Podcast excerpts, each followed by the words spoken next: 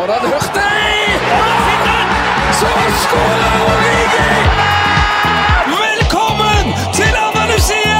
Gutten har blitt en mann! Det blir for mye rør! Det er bullshit. Det er goal! Det er goal igjen! Der var reprisen, sorry. Da er det hens. Hens, hens, hens. Alt er hens. Det er januar, og det koker på overgangsmarkedet. Norske spillere er heitere enn noen gang, både på vei til banken og ute på banen. Vår landslagskaptein ser ut til å være på vei mot det helt store. Hva kan vi si om den spanske supercupen og stedet den ble spilt? Og kan vi offside, eller kan vi ikke offside? Dette er TV2s fotballpodkast. Velkommen og godt nyttår, Arild S. Godt nyttår. Og godt nyttår til deg, Simen. Godt nyttår Stamse Møller, Yes, med eller uten bindestrek. med bindestrek. Siden en stund tilbake. Jeg starta uten, Ja, og nå er jeg med, bare for å forvirre folk. jeg har lagt til en ekstra T i mitt etternavn. Det er nytt av året mitt for i år. Kalle Helgeklev var den som kalte deg forleden. Ja. En, en, en jeg kjenner. Lever med det. Fint navn. Det går veldig bra. Og um, vi, vi har hørt mye om Simens sin karriere i Kjelsås og i utlandet, ja. Tromsø. Og lite snakk om din karriere. Ja, det er det jo en grunn til, da. Men Men, du eh, har jo en del kamper opp gjennom eh, jeg har en del kamper, de er bare ikke på så høyt nivå, men jeg har 20 minutter i andredivisjon. Det er min eh, på en måte mm, kronjuvelen i min fotballkarriere. Et innhopp i siste serierunde for eh, Nesodden som 18-åring mot eh, Asker. Lagde to frispark, fikk to frispark, eh, fikk et gult kort og rykka ned. Vi var allerede rykka ned før den kampen, så det var kanskje litt av grunnen til at jeg fikk slippe inn. Ja, ja. Men uh... Veldig likt min start, egentlig. Min første A-kamp var også en sånn siste serierunde i andredivisjon, og da tenkte jeg dette er ikke noe for meg, dette er altfor vanskelig. Og så gikk det greiere etter hvert. Men jeg var, så, jeg var så nervøs før disse kampene at det, det er på en måte den, den viktigste grunnen til at jeg tror aldri, aldri, aldri, selv om jeg hadde hatt, jeg hadde kanskje vært mindre nervøs hvis jeg hadde mer talent, men jeg, jeg syns det var så skummelt når man skulle spille på seniorlag og opp og hospitere og trene og spi, særlig spille kamper og sånn, at jeg satt jo bare på benken og håpa at jeg ikke skulle bli bytta inn. Det var helt jævlig. Men nå er du her i kraft av uh, å være fotballjournalist. Er du nervøs da? For eksempel forrige uke, når det breakes nyheter i 100-millioner-klassen Ja. til store europeiske klubber. Er du nervøs? Nei, da er du ikke nervøs. Nei, Jeg er jo heller nervøs før, før overgangsvinduet starter, for da tenker jeg nå må jeg levere noe juicy news. Og jeg går alltid inn med innstillingen om at jeg har alt å bevise hver gang det starter på nytt, så jeg tenker, jeg glemmer veldig fort eh, at jeg har fått til ting før, da. Så jeg, jeg går inn med sånn blanke ark og, og har, eh, har på en måte egentlig veldig lave forventninger til, til meg selv, men eh, men eh, det tror jeg gjør at jeg blir ekstra skjerpa. Da. Jeg tenker alltid at sånn Nå rakner det! Nå er jeg, jeg, det var bare flaks før. Nå, eh, nå har jeg mista det. Det kommer ingen nyheter herfra. TV 2 er superskuffa over sin eh, signering fra VG, bla, bla. Det kommer ingenting herfra. Og så overrasker jeg meg selv iblant. Da. Og, Så når, når nyhetene kommer, så er jeg ikke nervøs, fordi jeg har jo stort sett bra nok kildegrunnlag til at jeg vet at det stemmer. da. At jeg ikke uh, jeg, jeg skriver jo bare det jeg stoler på. Ja. Eh, Så, så det, der er jeg nøye, og der, der har jeg ikke så mye hjertebank når, når det først er publisert. Nei. Det har vært en ganske vill start på året sånn overgangsmessig. Vi, vi kommer til å snakke litt om overganger i dag, både i kraft av at du er her med oss, men også hva folk har spurt om. Og, og, og Simen, når du da Fofana til Premier League, Benfica henter fra Eliteserien og en nordmann fra Danmark. Det er store klubber. Ja, det er det. Jeg er ikke så overraska, egentlig. Um, det er jo et tegn på at Norge har fått oppmerksomhet. Da. De har har ikke hatt det så mye tidligere. Men noen bra ting vi har gjort i Europa, og selvfølgelig det viktigste er jo at norske spillere har fått et bedre rykte nå. Uh, og de henter jo sånn kunstgresspillere også, da. For det har jo vært en periode hvor det har vært veldig mye snakk om at nei, man kan ikke hente spillere som spiller på kunstgress til vanlig. Og som skal spille på gress nå? Han Schjelderup i, i Er ikke Nordsjælland også, også kunstgress? Jeg tror det. Jeg ja, Jeg, syns jeg har i hvert fall sett noen klipp på kunstgress. da. Ja, det er jo noen baner der. Og han har jo vokst opp i, um, på kunstgress, og det er jo flere av de også hvor, hvor man tenker at det er, det er jo noe helt annet da, å spille på kunstgress og spille på gress. Ok, nok om det. Ja, det har vært gøy. gøy, gøy at eh, norske klubber og spillere får penger. Jeg var, jeg var i, i Nederland i um, høsten 2021, da Norge spilte mot Nederland i eh, VM-kvalik blant annet, og besøkte PSV og snakka med veldig mange av de eh, som jobber med speidingen der og sånn, og PSV er jo en sånn typisk klubb som tidligere har eller som har basert veldig mye på sin eh, talentspeiding eh, i Norge. Eh, De var jo også veldig veldig interessert i å hente Schjelderup. Eh, Det var sånne detaljer som gjorde at han dro til Nordsjælland istedenfor PSV. Og, og eh, de har jo hatt masse norske spillere i akademiet sitt, og Fredrik Oppegård er der nå. Um, men det de sa, var at før Eller Norge var da i, i ferd med å bli for dyrt for dem. Eh, for PSV. Og, og Sverige og Danmark hadde allerede blitt for dyrt. Og det var markeder som de fem år før var veldig investert i. Henta veldig mange spillere som ble suksesser og sånn, og, og som var verdt pengene fordi prisene var greie. Og nå og, og det var på en måte, det hadde jo ikke vist seg helt i markedet på det tidspunktet, høsten 2021, men nå ser vi jo veldig tydelig at eh, prisene har gått opp, og klubbene som henter de norske spillerne, er ikke lenger eh, de klassiske sånn eh, Gent og, og um, nederlandske klubber osv. Det er i mange mange tilfeller enda bedre klubber som spiller i Champions League, sånn som Benfica, eller som spiller i Premier League, eller som spiller i Frankrike osv., eller i Serie A, som vi har sett veldig mange tilfeller av. Så prisene har gått opp, og eh, Norge har fått en viktigere posisjon i, i, på rangstigen i Europa, virker det som. da. Så det er veldig gledelig nytt for, for Norge. Og de har jo sett Benfica også, eller, og tenkt hva i alle dager er dette for noe? Tengstedt. Altså de avslutningene, de eh, detaljene, alt det han har gjort i selvfølgelig bare Eliteserien, på en måte. Men det alene, hvis man kan få det ut på det nivået, det alene er jo verdt det. det er jo verdt de pengene der. Nå er jeg i gang med å svare på første spørsmål. Jeg kan bare si det. Anders Hole eh, Anders Hole på Twitter har skrevet til oss Kommer vi til å se en permanent økning i norske overgangssummer etter nå flere ekstreme overganger i Fofana, Tengstedt, Botheim osv.? Eller kommer de til å flate ut? Har du tanker om det, Ariles? Du kjenner jo markedet. Uh, nei, foreløpig så er det ikke noe tegn på at det kommer til å flate ut, men dette kommer til å være veldig avhengig av prestasjonene deres ute der. da. Hvis du, hvis du stadig vekk henter spillere Mm. uh, fra en klubb eller en liga, og det viser seg at de ikke klarer å levere, så vil jo hypen roe seg veldig fort. og Uh, en, Det er jo en fare for at f.eks. Bodø-Glimt uh, Ja, ja. uh, kommer til å lide av det, fordi Bodø-Glimt um, har solgt Patrick Berg, som kom tilbake etter et halvt år, uh, har solgt uh, Lode, som gjorde det samme, har solgt Bjørkan, som eh, brukte et år på å komme tilbake. Vi ser Jens Petter Hauge skal tilbake til Frankfurt fra lån i, Gent, og neppe har noen fremtid i Frankfurt heller. Det er så mange eksempler Men på det må være så vanskelig for scouter da, å vite hva er et godt lag, Mm. og hva er en god spiller. Hvorfor ser disse spillerne så gode ut? Er det pga. dem? Dem ene og alene? Er det de som er geniale, eller er det setupen her? For du har jo mange eksempler på lag som bare øker og øker og øker i kvalitet, gjør det bedre og bedre og bedre, med ganske mange av de samme spillerne. Eh, og så man liksom, kan man plukke ut han og så få han til å gjøre det. Men Bodø-Glimt er jo et veldig godt eksempel på det. Liverpool et annet. De spillerne som har gått fra Liverpool, om det er Coutinho eller ja, Veinaldum ble jo skada, men altså det er ganske mange eksempler på spillere som har gått fra det Bodø-Glimt-laget og Liverpool-laget som er sånn ah, Nei, de er egentlig ikke så innmari gode i seg selv, kanskje, men det er laget som er så bra. Da. Det må gjøre det vanskelig for, eh, for speidere da, å vite hva er det jeg ser for noe, egentlig. Er det spilleren, eller er det laget som er bra? og her har jeg snakka med mange i Molde, blant annet, som har egentlig har en track record som er det stikk motsatte. Da. De har jo spillere som uh, Fredrik Aursnes, som har gått ut og gått videre til Benfica. Uh, Markus Holmgren Pedersen, som blomstret i, i Feyenoord. Uh, det, er, det er veldig veldig mange eksempler på, på spillere som har kommet derfra. Erling Braut Haaland, ikke minst, det, det aller beste eksempelet. De tingene der er jo også et tegn på, tror jeg, forskjellen i måten de to klubbene, som er de to egentlig flaggskipene i norsk fotball akkurat nå, eh, drives. For Molde er veldig mye mindre sånn systembasert. Det er veldig mye mindre rollebasert. eh, Og en spiller kan komme inn og, og egentlig bli en, mer en allrounder. Jeg tror du blir mer en allrounder og mer, kanskje mer rustet for å spille hvor som helst. når Er du har det spilt Barcelona og Real Madrid, da? Ja. Som skal ta en litt sånn Ja, ja, det blir litt sånn, da. Ja. Eh, mye interesse blant folk. Eh, vi har jo invitert folk eh, via vår Twitter-konto. Send inn spørsmål til oss. Eh, masse om overganger. Rikard Løkhaug, Rikard Ri på Twitter.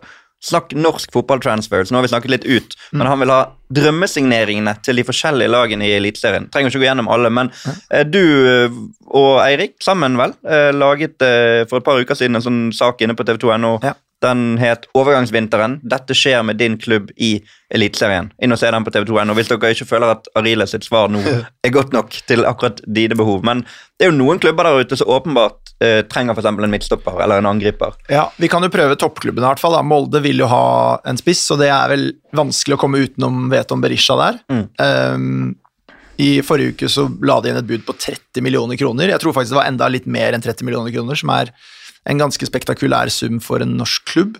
Eh, der tyder signalene på, selv om, selv om de ikke er helt happy i Hammarby med at Veton Berisha ønsker å dra med en gang igjen, og sånn, så, så tyder mye på at de kommer til å Uh, muligens slippe han, fordi at Molde er såpass betalingsvillige. Og fordi signalene, i hvert fall denne mandag morgen, er at August Mikkelsen, som spiller i, i Tromsø, er de, Der har jo Hammarby lagt inn bud til Tromsø. Det ble avslått, men, men eh, signalene tyder på at det også kommer til å Eller kan. Det er, det er en høy sannsynlighet for at det går i orden, og da tror jeg brikkene kommer til å falle litt sånn på plass. Eh, Det er ofte sånn da. Det er ofte sånn at de, vil ha en erstatter klar før man slipper en spiller. Det er jo helt logisk, men da må man jo også eh, forplikte seg da, altså forplikte seg til at det, det, det budet står. Det er sikkert veldig, Apropos å være nervøs, da, det er sikkert veldig action. altså Innafor en uke, dere får en deadline på en uke. En uke holder du av, nesten som du holder av en bukse i en, uh, i en butikk. da. Du holder av den spilleren i en uke, vi må bare få på plass en erstatter, så kan dere få han. Ja. Ja, ja. Det det er det samme når du kjøper hus og selger hus. sant? Ja, ja. Altså, Ja, tør, du tør å kjøpe ja. det huset før Ja. du har solgt det du Ja. eier, eier, liksom. Men uh, da kan vi ta en detalj fra norsk fotball som er litt kul, da, som handler om akkurat dette her. Fordi uh, jeg skrev en sak om Lillestrøms jakt på Vetle Skjærvik i HamKam. Og Vetle Skjærvik har jo veldig lyst til å dra til Lillestrøm. Alt er klart. Overgangssummen eh, mellom eh, Lillestrøm og HamKam er klar. Spilleren eh, ønsker å dra dit og er, har den personlige avtalen klar. Så alle de tradisjonelle eh, parameterne som skal til for å få til en overgang, er klare. Men det er ett forbehold, og det er at HamKam må bli enig med Lillehammer og Roterud om eh, videresalgsprosenter fordi de inngikk en avtale fordi de ikke hadde råd til å betale den vanlige utdanningskompensasjonen da de henta den. Så de har på en måte de bare utsatte problemet, og nå sitter de der og bare Ok, nå, vi trenger ekstra penger og sånn. Så det er den ene grunnen til at den overgangen drøyer veldig. Den andre er at eh, spilleren har fått seg en liten strekk, så det gir, det gir, eh, det gir klubbene litt mer tålmodighet. Men det tredje er at HamKam hadde jo erstatteren klar, og det var jo Aron Kiel Olsen fra Koffa. Um, og der var det mer eller mindre klart, det var bare snakk om noen detaljer og bonuser og sånn. Og det som kunne skjedd da, hvis Kiel Olsen hadde sagt go, vi eh, er klare, Koffa hadde akseptert budet, alt sånn, så måtte jo HamKam solgt Vetle Skjærvik. Da ville de jo blitt pressa eh, og kunne ikke venta til de hadde fått i orden alle disse hundretusenene som, som mangla. Fordi da Du kan ikke si til en spiller Nei, bare vent litt, vi må bare få solgt han spilleren der når man har holdt på lenge. Men hva skjedde? Han dro til Vålerenga, signerte der på lørdag.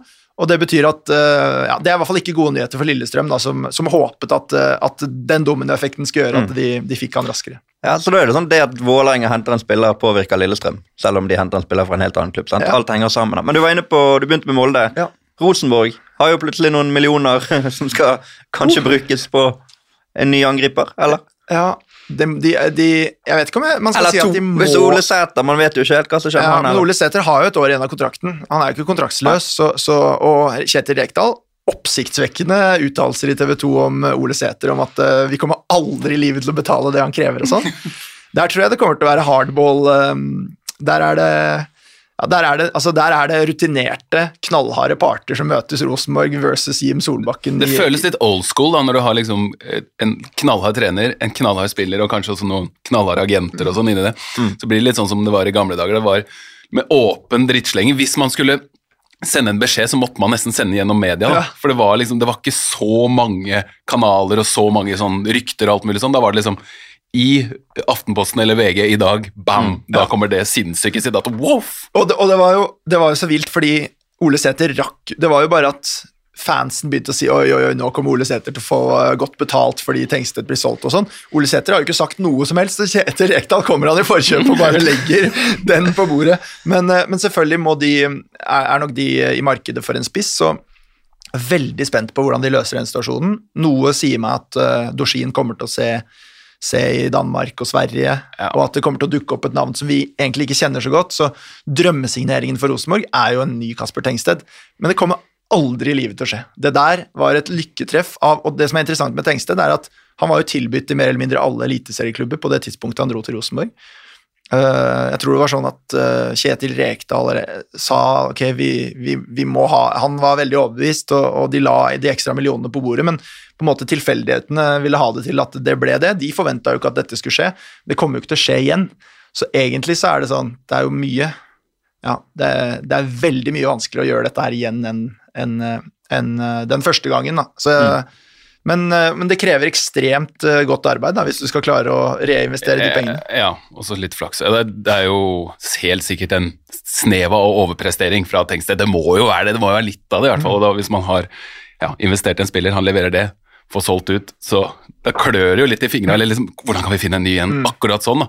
Så skal det innmari mye til, som du sier, å, å treffe der, da. Men det er jo to utlendinger som har gått for disse pengene, da. Eh, så da blir det jo veldig naturlig å tenke at man må se utover, i stedet for å investere i en andredivisjons, førstedivisjons spiss, liksom.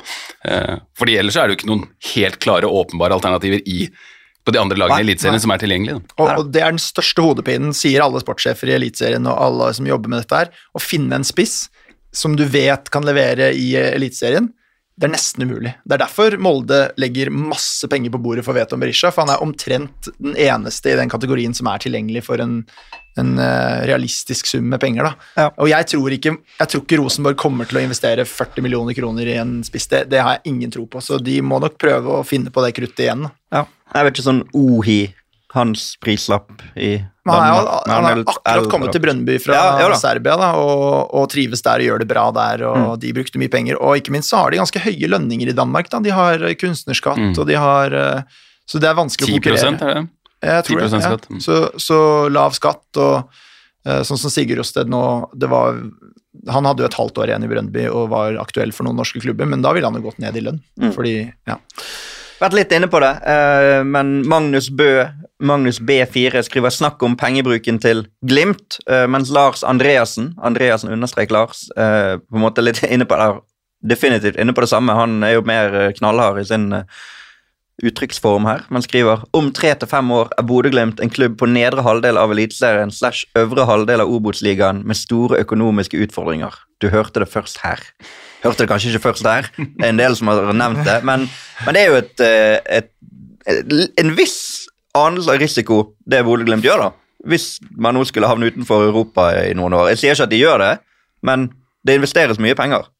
Det investeres veldig mye penger, og um, det går jo noen rykter om disse lønningene til en del av de spillerne som har hentet tilbake, om eh, eh, ja, Jeg trenger ikke å snakke om summer, men det er, det er, det er på en måte sånn at spillere har gått ut og så nærmest fått samme lønninga når de har kommet hjem igjen fra en topp fem-liga. Det er jo spektakulært for en eh, klubb som Bodø-Glimt. Uh, uh, utgiftene øker så noe voldsomt. og Prosjektet er jo et annet enn det det var da de startet, for nå er de plutselig i en situasjon hvor de har etablerte, profilerte spillere som og mange av dem som tjener veldig bra, som er på et annet lønnsnivå enn spillere som ble hentet for bare et år siden, f.eks. Kanskje har man sagt her gir vi ikke mer enn så og så mye i lønn, men så har man hatt muligheten til å hente tilbake gamle helter. Og så er man glad i dem òg. Altså, jeg tror Ja. det er et lite aspekt i det. Det er, det er et ganske sjelden, eh, sjeldent eksempel på at de som leder klubben og spiller altså, Det er nesten sånn at det er barna deres, da. Eller mange av dem, så er det jo, er det jo faktisk tilfellet òg, Ja,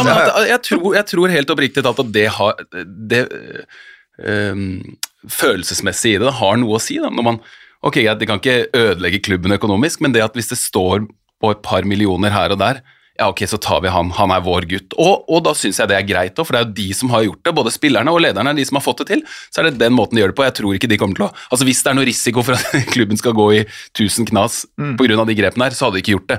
Så jeg tror ikke jeg tror, Det er overdrevet må altså det, Ja, ja, det er jo satt på spissen. og det er jo men, men uh, at det skal, være, det skal veldig mye til for å få til det de har gjort allerede en gang til, det er det ikke noe tvil om. Men, men jeg er veldig interessert i å se hvordan dette kommer til å utvikle seg. For det, det Glimt sier, er at de må tenke annerledes fordi de planlegger å spille 60 kamper denne sesongen. Eh, derfor må de ha dobbel dekning på alle posisjoner. Vi så at de henta Adam Sørensen fra Danmark til eh, rundt 10 millioner kroner som en backup i utgangspunktet da, på papiret for Fredrik Bjørkan. Um, de har eh, tre-fire Det er nesten, det snakkes om i garderoben at det er et sånt spisshjørne hvor eh, alle spissene sitter, og det er på en måte ikke, det er ikke helt uh, bestemt hvem som er førstevalg, hvordan hierarkiet er der, men de er mange, og de er mange i mange posisjoner. Så, og, og Kjetil Knutsen er jo ikke en trener som er kjent for å rotere veldig mye på laget, egentlig. da. Spørsmålet er om det kommer til å tilpasse seg eh, veldig denne sesongen, men, men jeg tror det kommer til å bli superinteressant å følge med på. Vi vet allerede f.eks. at Brisveen Bangomo ikke nødvendigvis er superhappy med at han har havnet uh, først vikariert, uh, og, og ofte veldig bra som venstreback. uh, og så henter de to venstrebacker, og kanskje han har fått beskjed om at neste sesong er det høyreback, og så kommer Omar Labdelao inn. Ja, Men hvis, ja, sorry. Ja. Hvis, hvis Glimt hadde vært en klubb som hadde vært veldig opptatt av å tjene penger og bruke den type modellen, så hadde de ikke gjort det på den måten her. De hadde ikke henta tilbake de spillerne. Da hadde de faktisk, sånn som med, med du eh, nevner Wembangomo, eh, Elias Hagen og sånn, hadde de dyrka de spillerne der. Og de har faktisk vist seg fram på, i europacuper og vist at de holder det nivået. Gitt dem den tiden, så kunne de solgt dem som hatt klar nestemann hele tiden. Sånn som sånne klubber driver, da. Men med Glimt så er det her litt annerledes det er et land som skiller seg veldig fra mange andre små klubber som kommer opp, da, og som, som driver på den måten og skal selge litt sånn derre god gammel Sevilla-modell, tenker jeg. Som ikke det Glimt gjør, men det vanlige. Det er å selge, ha klar en ny en. Selge, ha klar en ny en. Men her er det liksom det går helt imot det da, når de henter, inn, henter tilbake tre-fire av de gode gamle. Og, men, men kvaliteten deres nå tilsier jo at det er veldig stor det er veldig liten sjanse for at de skal falle utenfor. Nettopp, yes. uh, sant? Så, så de har et så bra lag og en så bra tropp. Jeg så, så alle de stilte med til, eh, til treningskamp mot Junkeren, hvor de hadde én elver i første omgang og én i andre omgang. Det, det er jo spektakulære uh, Altså en, en, tropp som er uh, ekstremt bra. Og så ser jeg, og det jeg skal ikke legge altfor mye i det, men jeg ser uttalelser fra spillere, Salvesen, uh, yngre spillere, spillere som blir signert, som tyder på at de har, de har og det vet vi at de har, en, en vanvittig bra mentalitet i, i, den troppen der.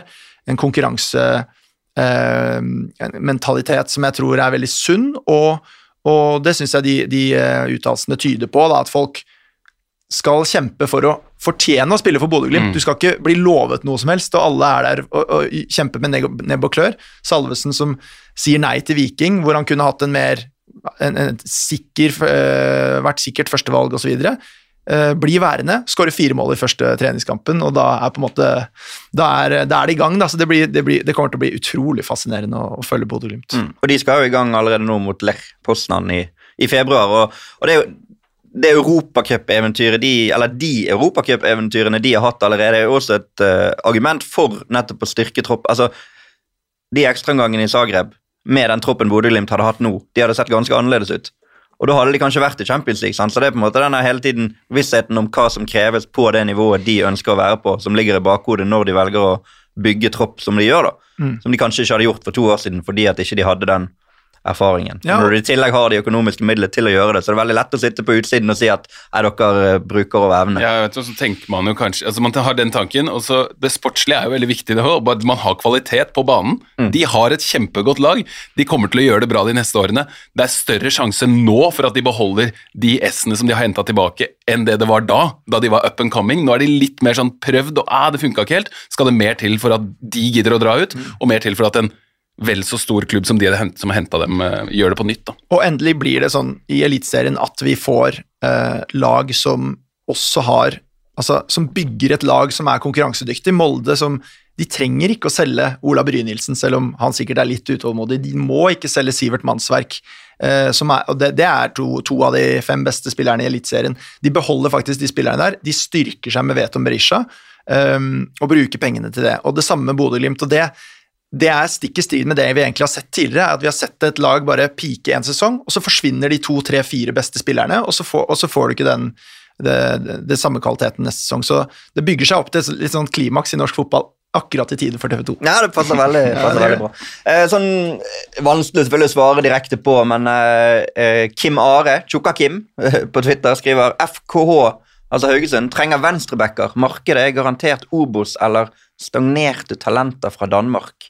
Tips til hvem? Sitter du på en sånn bank av venstrebacker her siden? Altså Det er en måte på hva folk forventer av oss, da, men, men alle klubbene er jo i markedet hele veien her. Eh, og du er jo kanskje den i Norge, eller jeg vil si den i Norge som er tettest på overgangsmarkedet. På en måte, hvor, hvor mye oversikt har du sjøl over alle disse spillerne? Eller er det mer sånn ok, nå får du tips der, og da må jeg på en måte lese meg litt opp? Du kan jo ikke sitte og vite alt i tre divisjoner i Norge, Sverige og Danmark, du heller. Nei, jeg jobber ikke som sportsdirektør eller speider. Altså, jeg, jeg, gjør ikke det, så jeg, jeg, hadde sikkert fått litt ut av det hvis jeg hadde hatt full oversikt over sånn, ok, da er det sannsynlig at de ser på han, og så kunne jeg sett på det og sitte på Wisecat hele dagen, men det går jo mest i samtaler med folk i klubber og folk eh, rundt i, i miljøet og sånne ting, og så får jeg gjerne vite ting når det nærmer seg litt, da, eller sånne ting. Mm. Eh, men jeg, har, jeg sitter jo på en oversikt over en del ting som jeg ikke nødvendigvis deler fordi at jeg ønsker ikke å være en sånn ryktemaker. Jeg ønsker ikke å si at sånn Nå har Vålerenga vært og kikka litt på Nå sitter Joakim Jønsson på, øh, på, kontoret sitt og ser på Wisecat og ser på en eller annen venstrebekk der, eller Eirik Opedal sitter i Haugesund og har, har eh, På femteplass på lista hans så er denne spilleren og sånn, fordi jeg mener at da mister du litt troverdighet etter hvert. Da. Jeg ønsker jo å på en måte rapportere om ting når det faktisk Mm. kan skje, da. Eh, og ikke bare om interesse her og der, og bare for å hause alt mulig. Men eh, litt vet jeg jo, selvfølgelig. Men Haugesund, der er det vel ikke helt dødt med han Tore Pedersen som kan, kan forlenge, men den kontrakten har jo gått ut. Vi Mm. får se. Du skal jo vurdere eh, norske spillere sportslig igjen i en mye større grad enn du har gjort før, Simen. Det krever jo litt av deg, det også. Yes. Men eh, alt om Obos-ligaen. Vi skal også ha Obos-ligaen. Nå vet du jo ikke akkurat hvem som skal jobbe konkret med alt her, men alt om Det er jo litt sånn overganger hos oss også. Det er jo knock-on-effekt der. Plutselig er Myhre ikke med videre. Og så, hva skal jeg jobbe med da? Og det blir litt sånn domino der òg. Vi får se. Alt om Obos-ligaen er i hvert fall en Twitter-konto som ofte stiller oss spørsmål. Eh, som da har på en måte tatt dette overgangsperspektivet fra Eliteserien til Obos-ligaen, på en måte da, som lurer på om Barmen fortsetter i Ålesund. Det kan jo kanskje Arild svare på, men eh, om jeg ikke tar feil av en kontrakt som snart går ut, kan han være noe for Obos-ligaen? Spør eh, Obos-ligaen. Alt om Obos-ligaen om. Den, Og han vil jo være en klassespiller i Obos-ligaen. Det er den ligaen jeg ikke har, ikke har fulgt med på, da, for jeg følger med på andredivisjon og, og Ja. Eliteserien. Ja, Obos-ligaen og Championship, de to er bare sånn Når jeg får spørsmål om det ah, Må vente til eh, jeg begynner å jobbe med det nå, eller om eventuelt Kjelsås rykker opp til uh, Mm. Inshallah til, uh, til første divisjon en vakker dag. Vi får se.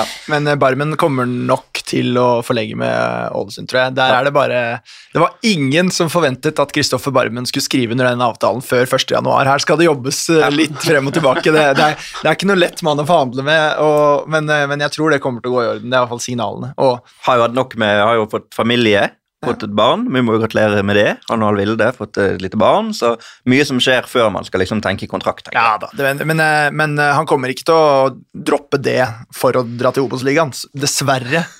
Til, eh, til alt om Obos-ligaen. Jeg tror ikke det, altså. Uh, Brann så jeg jo litt av, da. Jeg må si det i Ja. sesongen som var, men ikke så veldig mye mer enn du det. så ikke på det som Obos-liga. Nei, det var så bra. På et helt annet nivå. Uh, Morten Morten, det har du Twitter-navnet ja, Du kan kanskje kalle det hva som helst. Inn Morten heter han. Det er jo på en måte et spørsmål som hvem som helst kan svare på. Hvorfor er det ikke flere nøytrale spikere på stadioner i Norge? Hvorfor skal en spiker skrike og hause publikum? Fryktelig pinlig som bortesupportere. Og hvorfor går ikke heller de som liker dette, på håndballkamp? Er det ikke pinlig? Hva mener dere? Vi får prøve å ta en tur til, eh, til Amerika og så høre åssen det funker der på NHL-kamper. eller sånn. Der er det helt sinnssykt hvordan spikerne fyrer opp. Men uh, veldig rar ting å henge seg opp i, spør du meg. Spikere, spikere det er ikke det med på en måte å bygge atmosfære, da? Jo. Jo, Jeg, jeg syns det er veldig spesielt hvis spikeren skal være sånn at bortelaget scorer, og så skal man være sånn derre Goal! Det, ville, da- det syns jeg ville vært litt spesielt. ja, det går ikke. Men det er jo noen som tar seg friheter de ikke har, da, har jeg opplevd. da. Som for eksempel, Det er en keeper som redder, da, så gjør de sånn som i håndball. da. Roper navnet Ja. til keeperen liksom, så for å få med publikum. Så, ok, det, det er faktisk ikke greit, da, for de er ikke cheerleader heller. Nei. Nei, så du er litt, du er litt Nei, men det er sånn, de, kan ikke, de kan ikke holde på sånn. De kan, da, det, det, kan ikke, det kan ikke være roperten deres, på en måte. Nei. du skjønner hva jeg I amerikansk fotball så har de jo Der er det sånn når det er third down, altså den, den avgjørende Altså det tredje forsøket, hvor du da, hvis du ikke klarer det da, så må du sannsynligvis sparke ballen Ja. over og Ikke sant? Eh, For de som ikke kan reglene der, men da er det jo sånn. På storskjermer så står det alltid 'make some noise' og sånn, for da skal man forstyrre quarterbacken til eh, eh, bortelaget eh, når, når han skal ha det avgjørende øyeblikket der, da. Så der er det jo sånn aktiv forstyrring, da, og, og, og med spiker og storskjermer og holde på. Passer bra at du uh, nevner utlandet, for nå skal vi snakke litt uh, andre ligaer enn den Stort. norske. Utlandet er veldig Eh, stort land. Uh, veldig stort land. Eh, jeg tenker vi begynner i La Liga, og der var det jo i forrige episode av denne podkasten noen som eh, lovet noe, så vi kan høre kjapt på det. Celta mot Villarreal, som slo eh, Real Madrid nå. Jørgen Strand Larsen kommer til å skåre sitt første mål i La Liga på fredag. Kan vi love det? Nei, vi kan ikke love det. Vi kan håpe på det. Ja, vi liker å legge press på folk, så det kan vi love. Yes, Uh, Jørgen Strand Larsen, som bestilt, skåret sitt første mål. Du har jo fulgt han tett uh, gjennom hans karriere, Arild. Hvor, hvor viktig tror du det er for han å få det målet? Altså sånn selvtillitsmessig. Veldig viktig. Eh, Det var, det var et forløsende øyeblikk, og på mange måter det eneste han manglet. fordi når en spiller har en måltørke, har kommet til en klubb osv., så, videre, så er det veldig fort gjort at narrativet handler om at man, nettopp har måltørke, at, eh, at man har slitt og butta veldig imot og sånn, og det er på en måte en sannhet med modifikasjoner når det kommer til Strand Larsen, for han har jo egentlig hatt en veldig god start i Celta Vigo. han har jo blitt mer populær, Ja. virker det som, blant Ja. fansen. Etter hvert fordi han bare har stått på og ikke latt seg knekke. da. Ja, og tre skåringer vel eh, som har vært sånne marginale offsider pga. han selv eller lagkamerater, som har vært selvfølgelig veldig frustrerende.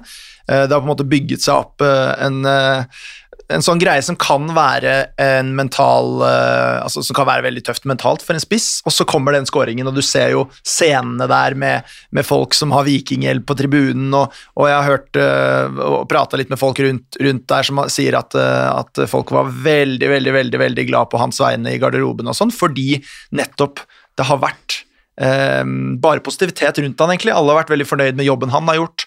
Eh, motstandere har vært imponert over eh, hvordan, hvor tøff han har vært å møte. Eh, og så fikk han endelig dette her, så det, det kan jo være startskuddet på, på et eller annet. Han er jo en god gutt, da. Jeg kjenner han ikke helt, men jeg bare ser det på han. at Han han bobler jo over av positiv energi. Da. Men det er sånn spillere man vil ha i en gruppe, i et lag. Så sånn han kom inn i den landskampen, hvor jeg bare elsker sånn. Når spillere gjør maks ut av det lille i det tilfellet. Det lille man får, da. Kjør på. Og sånn har det vært hele tiden. Uansett om han scora eller bomma, så har han stått på 100% hele tiden. Det var fortjent. Basert på det du, du har jo sett en del av liga, Mm. eh, både han og andre. Han er en godgutt, men er han da tøff nok? Kan du være en godgutt og Ja, det er det jeg syns. Det, men det er det jeg syns. Jeg, syns jeg, jeg ser liksom jeg synes Man ser i øya hans da, når han snakker og sånn, at han, han gleder seg, han sprudler. Dette er sykt stort for han. Og i tillegg så ser man på banen at han gjør veldig mye ut av seg. Uredd. Eh, litt uheldig med at eh, laget han spiller for Det henger jo sammen kanskje med den brente sjanser og alt mulig sånn. Det kunne ha blitt mye bedre, for jeg syns de har lag til å være høyere på tabellen enn det de har vært denne sesongen. Men jeg tror han har truffet ganske bra med klubbvalget også. Så håper at nå bare uh, skårer han mange mål. Og han kosta jo godt over 100 millioner kroner. Det er ikke ofte Celta Vigo betaler den Nei. type summer, og det er jo en veldig Altså, det er en veldig god eh, ting for en spiller å vite altså det, Ja, det kan innebære et press, men det innebærer også at du får flere sjanser, at du har mer tålmodighet i den klubben. Og, og Celta Viggo har ikke vært i nærheten av å gi opp uh, Jørgen Strand Larsen, for å si det sånn, til tross for, for en periode uten skåringer. Og, og nå har jo karrieren hans vist at når det først løsner, så kan det løsne. Før han dro til um, Nederland, så hadde han en periode i Sarpsborg hvor han knapt skåret et mål. Det var jo en uh, snakkis på, i, i- Sarpsborg at det var, det var aldri skåringer. Det var vel et tidspunkt hvor han nesten ble bua på av egne supportere osv. Uh, og så så vi i, i Groningen at det bare løsna totalt, og at, eh, at han i perioder bare skårer i hver kamp. Så han er en sånn hvor skåringene kommer i, i, eh, på rekke og rad når de først kommer, så, så det er bare å følge med. Det er en annen av de norske enn i La Liga også, som har samme greiene Helt da, med Alexander Sørloth. Ja, han skåret igjen. Mm. Syvende målet for sesongen.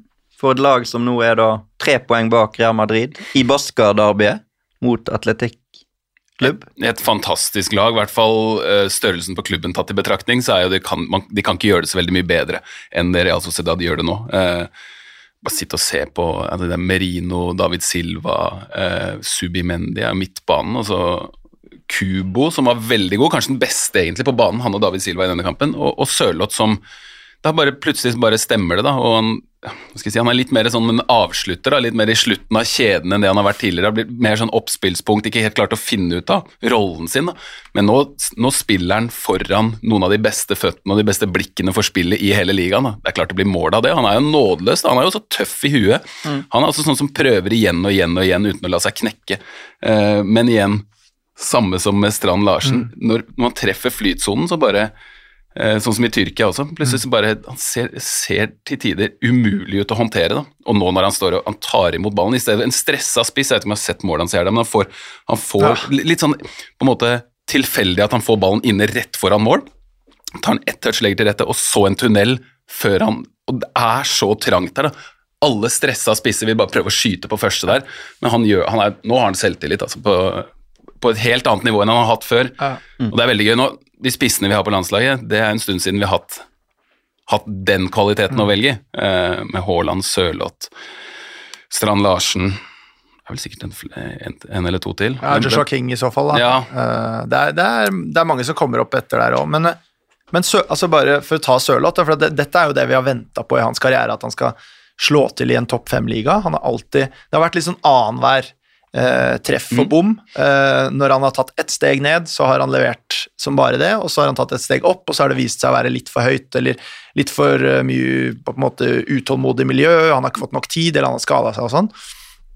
Og, og i sommer så var det jo et sånn viktig skjæringspunkt der, for han hadde jo levert en veldig god vårsesong for Real Sociedad. Uh, og det var jo da det egentlig løsna, han kom inn i det, endelig. Og så kom sommeren, og så hadde jo han veldig lyst til å bli. Og så ville Leipzig satse på han likevel, fordi det var ny trener, og det var eh, en del endringer som gjorde at ok, vi prøver. Starten av sesongoppkjøringen så var han eh, i gang der og, og så ut til å, å bli en viktig spiller for dem. Så henter de plutselig hjem Timo Werner, og han står igjen der og sier ok, hva, hva er det som skjer nå? Eh, og så var det beinharde forhandlinger, fordi Real Sociedad, der var døra fortsatt åpen. Alexander Isak eh, for, altså På det tidspunktet var det uvisst om han kom til å bli eller ikke.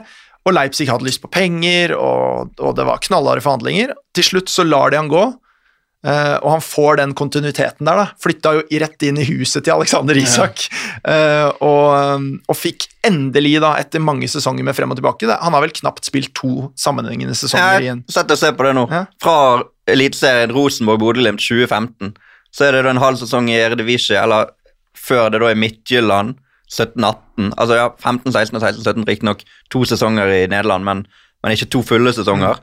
Og så er det Crystal Palace 17-18, og så er det utlån til Gent, og så er det Tyrkia en sesong, og så er det Leipzig, og så er det Sociedad igjen. Ja. Så det, det er ikke helt Bjørn Mars Johnsen, men det er nesten. Ja, det er nesten, og, og i tillegg, hvis du ser på somrene der, så har han ofte blitt eh, solgt eller lånt ut veldig sent i vinduet, så han har ikke fått noen sesongoppkjøring osv. Det, det gjaldt da han dro til Leipzig, og da han ble lånt ut første gang til Real Sociedad, og egentlig denne gangen òg, for det drøyde utover i, i august. så det er veldig mye som har spilt imot han, fordi han er jo samtidig en spiss som trenger stabilitet, som trenger tillit, som trenger å føle seg eh, viktig og, og sånn.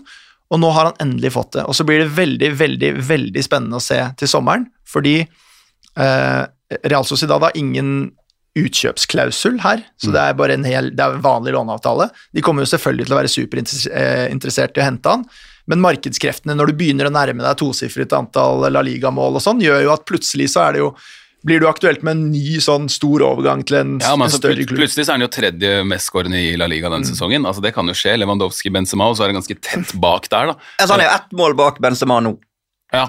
Jeg bare, an, jeg bare, an, ikke sant? jeg bare antar at Benzema og Ja. Lewandowski er de som kommer til å score, score mest, og kanskje noen andre våkner etter hvert òg, Men ja, og Selu og også de der. Nei, men det er de samme type spissene, men han spiller for det beste av de Ja. lag, lagene med de spissene, da, og de er jo litt like en del av de sånn svære, sterke spissene. Han er veldig direkte, veldig, eh, veldig rett på mål, eh, og, oftere syns jeg når man ser at de lagene som, som er veldig sånn spillende, da, som spiller god fotball, eh, har godt av å ha en litt sånn direkte måljævel på topp. da. Eh, fordi de trenger ikke å Haaland er jo én ting, men at um, Ten Hag vil hente han Veghorst Det er ikke fordi at de skal stå og pumpe baller opp han, det er fordi at de skal ha en inne foran mål som er utrolig god der. Og der er jo Sørloth uh, god også. Det er litt gøy å se at du har liksom så mange feinschmeckere rundt en litt mer sånn beast. da. Men, men det, er, det er litt interessant det der med spisser, fordi det er, det er nesten en sånn forbannelse. For hvis du er spiss sånn som Alexander Sørloth, for det første så er spisser gjerne litt, en litt annen type Et annet type mm, Altså en annen type mentalitet enn veldig mange andre. De er gjerne enda mer ærgjerrige, kanskje litt mer egoistiske, og enda mer litt sånn Enten så har de tillit, eller så har de ikke tillit. Så når du er spiss på, i, i, på det nivået der, så er det enten så leverer du, og da blir du aktuell for større klubber veldig, veldig fort, sånn som, som det alltid har skjedd med han. Eller så er du ute av det og blir lånt ut ned et nivå eller et eller annet. Så du, du får jo aldri den derre stabiliteten som, som andre posisjoner ofte kan, kan nyte bedre av, da. Hvis du ikke ligger på sånn ti mål per sesong, Ja. eller åtte til ti mål. Men til og med Chris Wood fikk jo en uh, super, eller ikke superovergang. Han var jo sånn, ja, mange, men han var jo sånn derre åtte til ti mål hver sesong. Han blir i Burnley, han. Ja. Ja, da har vi fått nevnt han nå. Absolutt. Jeg sto ikke på listen min, men det går bra. Jeg nevnte i introen um, Supercupen. Verken Real Madrid eller Barcelona spilte jo La Liga i helgen, men det var fordi de spilte supercup i Saudi-Arabia. Ja, Og sånn er det blitt. sånn er det blitt. Jeg er, det er, eh, det er Obos-ligaen, og så er det championship, og så er det sånne supercuper. Jeg klarer ikke å la meg engasjere skikkelig i det, til og med når det er en klassiko. Ehm, jeg var faktisk ikke klar over at, eh, at Real Madrid og Barcelona skulle spilles, men jeg tror det er bare fordi at man Jeg, jeg vet ikke, jeg har gjort litt andre ting i helga, så var det sånn Jeg så jo at de spilte forrige uke, og så er det, det var en kjempeglipp til meg å være, å ikke vite at de to lagene møtes, og så bare shit, de spiller der, så satte jeg på ut i andre omgang, da. Mm.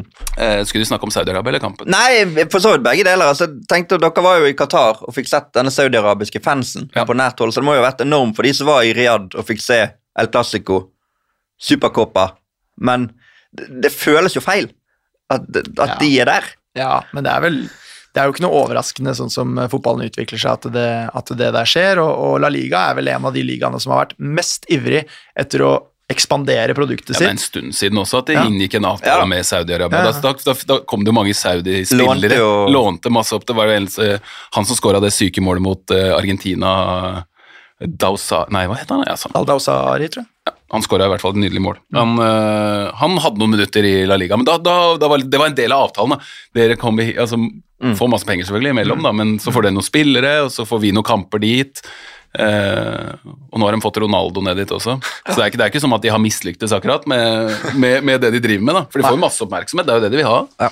Men Selv om jeg ikke fikk det med meg, ikke du da. fikk det med men, men om ikke du fikk med deg det, eller om ikke du så hele den kampen eh, Rent sportslig går det an å ta med seg noe videre fra den kampen også, for Barcelona igjen maltrakterer Real Madrid. Ja. 3-0, eller 3-1 ble det Benzema skåret til på slutten.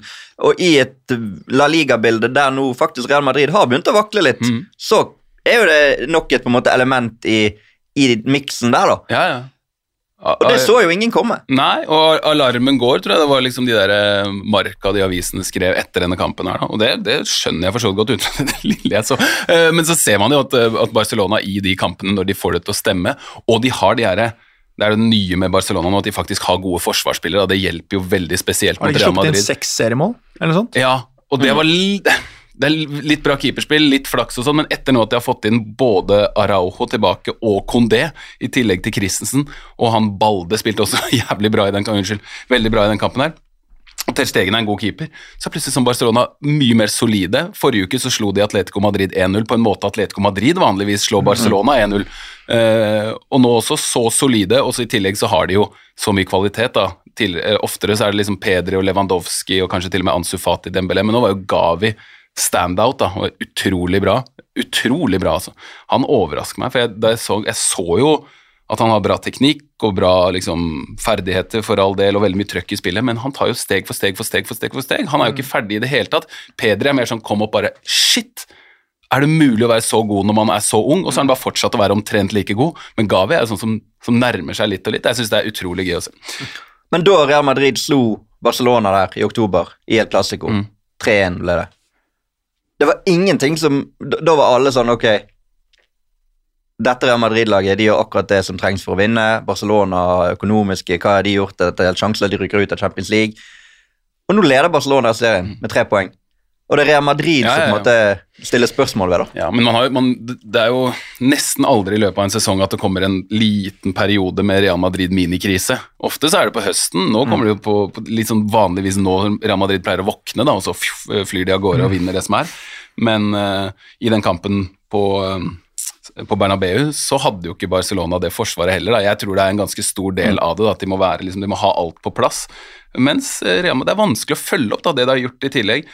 Eh, Jeg tror ikke det er noen grunn til å krisemaksimere det som skjer nå, fordi det, det ordner seg helt sikkert for dem på et vis, men Barcelona er i dytten. Mm. Skikkelig. Vi eh, hopper til litt eh, engelsk fotball også, og kan fremdeles beholde de norske brillene på. For, Det er mye, eh, det er mye å ta tak i helga her, altså. Det ja, deilig. men det er jo nordmenn overalt. Og I helgen i England har jo det vært to voldsomme derbyer med en nordmann involvert i begge. Riktignok ikke Vi kan begynne på lørdag, da, med Erling Braut Haaland og Manchester City, som så ut til å kunne gjøre det som de har gjort for vane, å slå Manchester United. Men så snudde det plutselig der, Ja. og en ekstremt spesiell situasjon, da, må vi jo kunne si. Og den ønskes det jo også at vi snakker om. Eh, Mikael L. Eh, til The Norsma på Twitter skriver blant annet Kom med en take på hvorfor det ikke var offside på Bruno sitt mål i Manchester Derby. Det er altfor lett å forklare hvorfor det skulle vært offside om man bare skumleste reglene. Og der er på en måte hele essensen i situasjonen, føler jeg. Fordi at en ting er er det offside eller er det ikke offside, og en annen ting er burde det vært offside eller burde det ikke vært offside. Og jeg tror faktisk det går an å argumentere for begge deler på begge diskusjonene. da. Og det er jo det som er litt spesielt her. Det er det som, er, det, er det som gjør, eh, gjør sånne at man etter hvert bare gir opp sånne diskusjoner. Det er jo fordi at dommeren, eh, dommerne, har faktisk sitt på det rene, for de kan vise til en regel. Og så, altså, alt, alt er jo eh, Det er jo regler, og så er det eh, dommernes tolkninger av reglene som gjelder. Altså, de kan jo nesten ut de kan jo nesten bestemme hvordan de vil tol tolke reglene selv. Eh, jeg tror veldig mange av de som har spilt fotball selv, ser den situasjonen og tenker «Ah, det der er ikke helt riktig, det skal faktisk være offside fordi han er med i spillet. Men for å gjøre det enklere for seg selv, syns jeg det virker som, så har dommerne prøvd å snevre inn den greia til altså, play the ball, nesten at du må touche ballen for at du skal være involvert. Og da blir det jo fordel angrepsspillere oftere, da. Eh, Jeg, jeg la jo merke til også at Jesper, ikke overraskende, selv om han har sympatier på den siden som, som scorer målet, ikke overraskende som gammel midtstopper tenker instinktet hans er det der er jo offside. Ja. Fordi ballen spilles mot en spiller som er i offside. Han løper på ballen, er hva da, en centimeter unna treffen. Det har en påvirkning på midtstopperen, eh, Han kan ikke løpe raskere. Han kan ikke det. Han, og, og man tar jo hensyn til han som er for, for han må tenke hvordan skal jeg løse denne situasjonen? Skal jeg gå enda nærmere han og risikere å lage rødt kort og straffe? Eh, Skal jeg ta inn fra sida? Skal jeg bare overlate til keeperen min? Men det er jo han som påvirkes mest av det, sånn jeg ser det. Ederson, som er veldig god på Selv om han hadde en sinnssykt eh, merkelig utrustning i den kampen, og hvor han timer dårlig med ett sekund, så er jo han ofte god på å komme ut og avverge de der. Men det får han ikke sjansen til. Men, men eh, kjenner vi til reglene sånn Skal du røre ball? Altså, må du, du må ikke det, fordi altså Jeg mener i det, uh, Du gjør et forsøk på å spille ball, tror jeg det som er greia. Ja. Hvis, hvis han strekker seg etter ballen der, Ja. han lar den gå. Hvis han stikker ut foten og prøver å ta ballen, Ja. så påvirker han spillet. Men, men det, det jeg har utfordringer med her, er at han løper jo også Altså, ja, han rører ikke ballen, da, men avstanden mellom han og ballen i det han løper der, er jo som om han fører ballen. Eh, Det betyr jo også at han i en, på, til en viss grad skjermer ballen fra Akanji. altså Han gjør det vanskeligere for Akanji å kunne takle, eller sånne ting. Det er jo nærmest en sånn obstruksjon, da, som man han lager et skjold foran eh, Fernandes. Ja, altså, det er jo helt, jeg mener at det er helt utrolig å vurdere det som at han ikke eh, påvirker spillet, Det er, for det mulig, gjør det er mulig å spekulere i det òg. Ikke det at jeg tror at mange kommer til å gjøre det, men det er Det faktisk åpner mulig. for en For stadig oftere i internasjonal fotball så, er, eh, så, så legger de vekt på løp i bakrom. Jeg, jeg har tenkt at Hvorfor gjør man ikke det mye mer tidligere, når backlinjer står mye høyere? Bom, bom, bom, bom inn. Da kan det komme et løp, og så kan det faktisk komme en ball også. Og så kan midtstopperne tenke, fordi de har jo lært hvordan man skal spille forsvar, så kan man stå og tenke ja, han er jo offside, og så kan det komme et løp fra dypet. Han kan løpe ganske lenge. Han kan Det, det løpe- viser jo seg at han kan. Ja, Mye lenger enn vi hadde trodd at han kunne. og, og ofte så blir jo ikke forsvarsspillerne med heller, fordi hallo, det er jo offside, hva er vitsen? Og så kan det komme et løp fra, fra dypet som bare kan plukke opp. Ja. Ja, og det er det jeg mener helt åpenbart i denne situasjonen. Hvis Rashford umiddelbart stopper opp og signaliserer ok, her, jeg har ingenting med denne situasjonen å gjøre, da kan den regelen som dommerne her bruker til å tolke i sin favør, slå inn. At han, ok, han, han har ingen forskjell på det. Men her er det åpenbart at han stopper at han ikke stopper opp. Han, han gjør til og med bevegelser med kroppen som er med på å finte ut forsvarsspillerne. Han ser ut som han gjør seg klar til å være Ja, alene keeper. sant? Og da snakker folk om eh, det, er det fysiske aspektet som ikke slår inn, og derfor Altså at ikke det, det mentale skal kunne dømmes på, fordi at man kan ikke lese tankene til folk og den type ting. da. Men, men, men det, det aller mest spesielle synes jeg at det er fremdeles uenighet blant ekspert, ekspertisen, da. Dommerekspertisen, altså PGMOL, dommerrådet, hvis man kan kalle det det, er jo ute og støtter avgjørelsen. Mens eksempel eh, svenske eksperter, da han Eriksson den heter, heter, sier jo at dette burde vært dømt på. At han ville vurdert det dit hen at det skulle vært dømt Ja. på. Og Men da er, er, det vanskelig. Men det er jo det som er greia, uansett om man har var, uansett om man, men det er dommerens tolkning, det er ikke noe fasit. Det er mange som tenker at jeg vil ha en fasit, men som du innledet med, dommerne kan ha Altså, de har, de har rett, på en måte, men vi Jeg mener at sånne situasjoner burde ikke Det burde være offside. Vi har også rett, men det er dommerne som har makta, Og det er de som kan det tok jo ikke veldig lang tid heller. Bare kjapt det, Ariles. Det tok jo ikke veldig lang tid heller. Det var ikke en sånn VAR-avgjørelse frem og tilbake og en dommer på VAR-rommet som bare- det var diskuterer bare de- med en det var de vanlig to, dommer. Det var egentlig assistentdommeren, det var de to Ja, som så skulle får han avgjøre. kanskje noe på øret, da, men, men Bare at han jo ikke er borti ballen. Ja, Ja, det for det, det det. der lurte jeg på, da. At øh, vanligvis når det er en sånn situasjon Altså Det vi ser, er jo at øh, dommeren vinker i utgangspunktet. Det må jo i utgangspunktet bety at det er dømt Men det gjorde han. ikke, ikke mål. Han vinka, ja, ikke sant?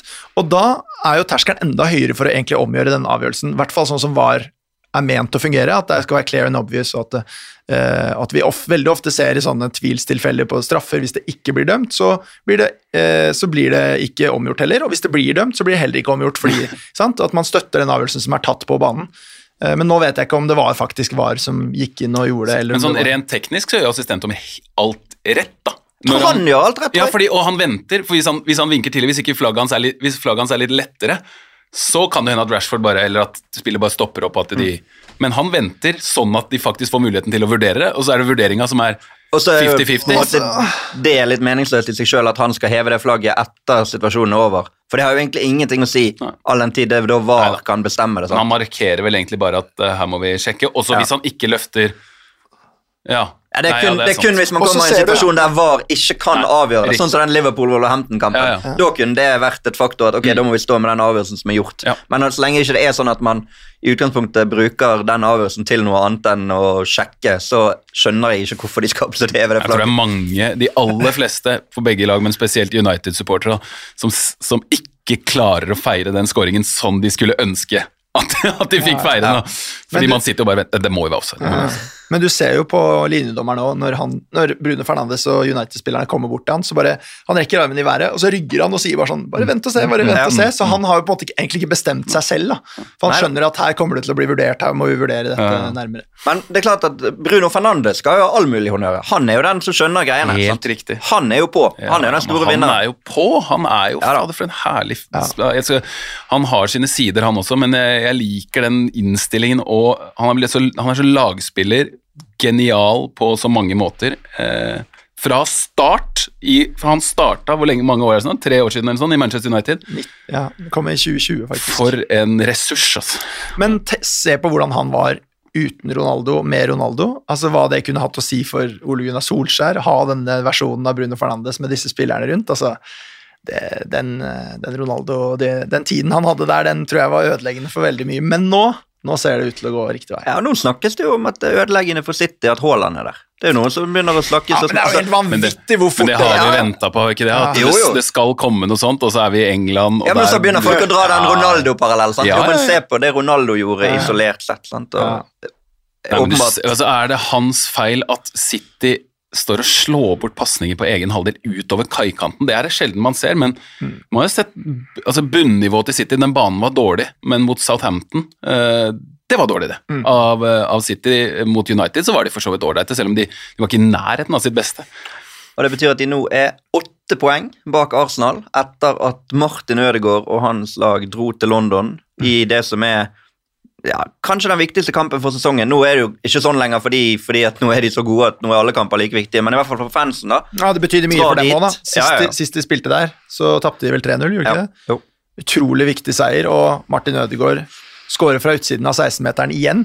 Dette er jo egentlig Altså, han har jo tatt gigantiske steg, men dette med at han har blitt en sånn skarpskytter fra distanse, det er bare det er på en måte det beste symbolet på hans forvandling. Fordi det er dette vi har bedt om i alle år. Og enda sterkere er det symbolet i, i og med at han prøvde for fem minutter siden, Ja. og den ble redda. Og han skyter nesten samme sted, bare litt bedre. Ja. Da, da har han blitt den spilleren vi ønsket at han skulle bli. Da.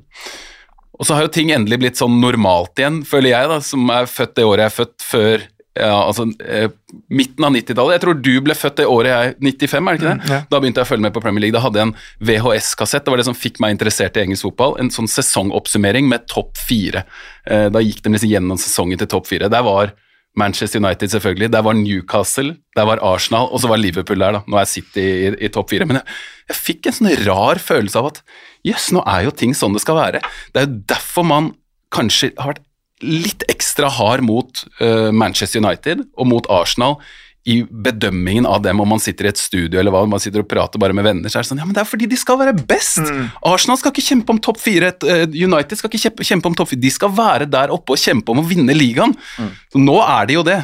Og eh, den gangen så var jo Tottenham og Liverpool kanskje litt sånn og, og Chelsea eh, litt sånn derre ja, de kunne ødelegge litt, men det var jo Manchester United og Arsenal. Det var de som skulle ha tittelkampene, liksom.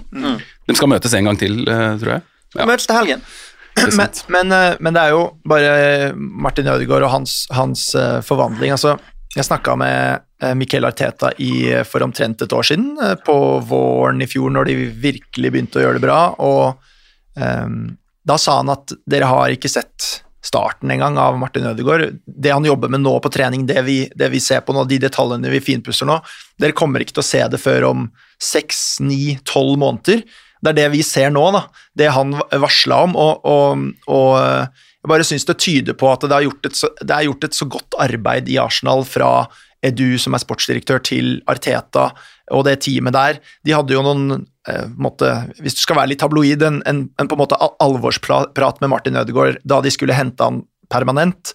Fordi de hadde identifisert tydelige områder hvor han måtte bli bedre, eh, hvor de så hvordan han kunne utvikle seg som spiller, og, og som han kjente seg igjen i, da, og som han, eh, og som han omfavnet. Og, så, og, og i, i, det kjærlighetsforholdet Arteta-Ødegaard så er det en sånn felles forståelse om hvor han skal hen, hva slags spiller han skal bli, og nå er han en sånn Altså en, en av verdens beste indreløpere, eh, playmakere. Eh, har jo den kombinasjonen av den hardtarbeidende spiriten, løpskapasiteten, eh, direktørrollen han har ute på banen der, hvor han, eh, hvor han regisserer hele spillet, og ikke minst da denne disse avsluttende involveringene, både som assister, eh, når han kommer sent inn i boksen, dødballene, langskuddene.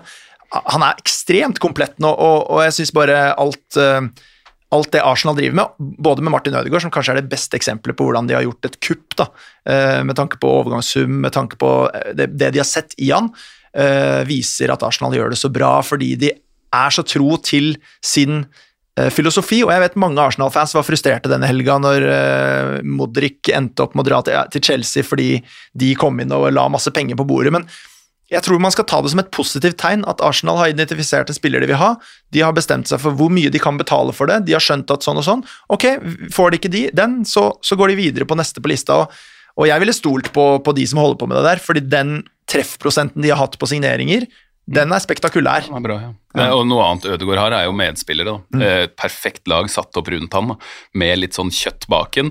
Ja, Thomas Party han er jo ja, det kjempegod. Ja, det er noe av det fineste målet som ikke ble. Uh, av alle som på hel volleyballen ligger så lenge i lufta, treffer så deilig mm. rent. Og, så, nei, men, uh, og de spillerne som er rundt han og foran han også, da, måten de, altså teknikken til Bukayo Saka Det blir jo mye oppmerksomhet på Ødegaard, men skårer Saka det målet i den kampen, så bruker man dagen i dag kanskje på å hylle han i stedet, for det kan vel like gjerne være han som som, er eh, sesongens spiller. da. Martinelli på andre sida, som er så arbeidsom og bevegelig og så god med ballen. Og så har de Enketia, som også overrasker meg. altså At han var så god, det visste jeg ikke at han skulle bli så god så kjapt. Mm. Så det er kanskje, Jeg tror det er Thomas Party som er den som ikke skal bli skada. Mm. Man snakker ofte om at den stallen til, til, Arsenal er så tynn. Han er ja. veldig, veldig viktig. altså. Og det var jo det som skjedde i fjor, da det rakna, var jo at han faktisk falt ut av det, mm. hvis jeg ikke husker helt feil. Jeg syns også Zinchenko er utrolig imponerende. Den rollen han har fra venstre bekk der, hvor han alltid kommer inn og skaper overtall på, på midtbanen, og den teknikken han har fra, åh, er, God keeper òg, da. God keeper, det, var jo, det, det, var, det, kunne jo fort ha blitt veldig annerledes, spesielt dersom Cézinho, eller sånn sin sjanse i første omgang òg, men Cézinho, hvis han scorer, setter 1-2 tidlig der i andre omgang, så er det game on, altså, men Ramsdale hadde dagen. Han hadde dagen, og det betyr at han ble sparka i ryggen, eller hva det var ja, som skjedde. Ja, det var stygge greier. Åtte poeng har de altså, og det er straks halvveis. Du føler jo nesten at det er sånn ti kamper igjen av sesongen, mm. men det er jo straks halvveis. Uh, nevnte Modric der. Uh, Benjamin Jarvson på Twitter med et ukrainsk flagg i Twitter-kontoen. Og for så vidt også, han skriver tanker om Modric. Mens Trygve Skogstad skriver gjerne prat om Chelseas overgangsstrategi. Hva vil skje dersom de ikke kommer seg inn i Champions League innen to sesonger, og er det bærekraftig slik det drives nå? Skogstaden på Twitter. Syv og et halvt års kontrakter. Det er det, det, det er det, grepet de tar. da. De har til og med sånn ettårig opsjon. Så ja, det, er, det er mulig åtte og et halvt En sånn Alan Pardew i Newcastle-variant. Ja. Det står faktisk her i parentes. Pardew til den. Samme skjedde vel med han Badiashile som kom inn. og det er jo helt ville summer, men financial fair play er det vanskelig å ta på alvor, sånn som det, sånn som det er akkurat. Det har de bare ja. droppet igjen, ikke omtrent. Ja, tror, tror omtrent de har det. Så er det sikkert noe regnskap som gjør at det går an å fordele det over For du, det du gjør, er at du fordeler overgangssum og lønn over alle årene som er uh, som er i kontrakten, så du får jo mindre per år. Da, mm. jo, da, men Det er nå han isolert sett, men så har du jo Joao Felix, de betaler x antall millioner for å bruke i fire Eller nå blir det bare tre måneder, da, for han er en måned med karantene. ja. Og så er det Lukaku som er utlånt, og så er det Det er så mange spillere i miksen ja. der som til enorme verdier. da. Mm. Og Chelsea har jo i, i hermetegn hatt suksess med dette, med det- å ja. låne ut en haug med spillere og tjene penger, men nå er det snakk om så dyre spillere. Ja, ja. Men den altså, Felix-varianten gjør ikke så store avtrykk på budsjettet deres, da. Neida. Men, men ja, ja, eller Financial Fair Play, for den saks skyld. Han Modric ser litt usympatisk ut, eller? Han har ja, Jeg bare, jeg, klar, jeg gleder meg til å se han smile, for jeg har sett det et par ganger sånn jubelscene. Han ser sånn sinna ut når han feirer også, og så har han litt sånn eh, Litt sånn derre eh, hvordan folk så ut på da jeg vokste opp, og, og som fikk David, alle, fikk ja. alle damene, men uh, klarte ikke å smile, liksom. ja, ja. Men- Midtskillen der og Ligner litt på han der um, artisten Sondre Justad. Bare en usympatisk versjon. Litt mer badass. Uh, Lars Vaular ligner ikke på David Egea lenger. For å ta en annen artist-spiller. For han har fått helt sånn langt hår. sånn, ja, han har lurve, litt, litt, litt sånn lurvete, langt hår, og han Sånn flatt ned og så kort under, ja. shit, Plutselig, jeg kjente nesten ikke igjen. Nytt album der. Men, men um, han Modric, han har en sånn ja, Hæ? Han er bra.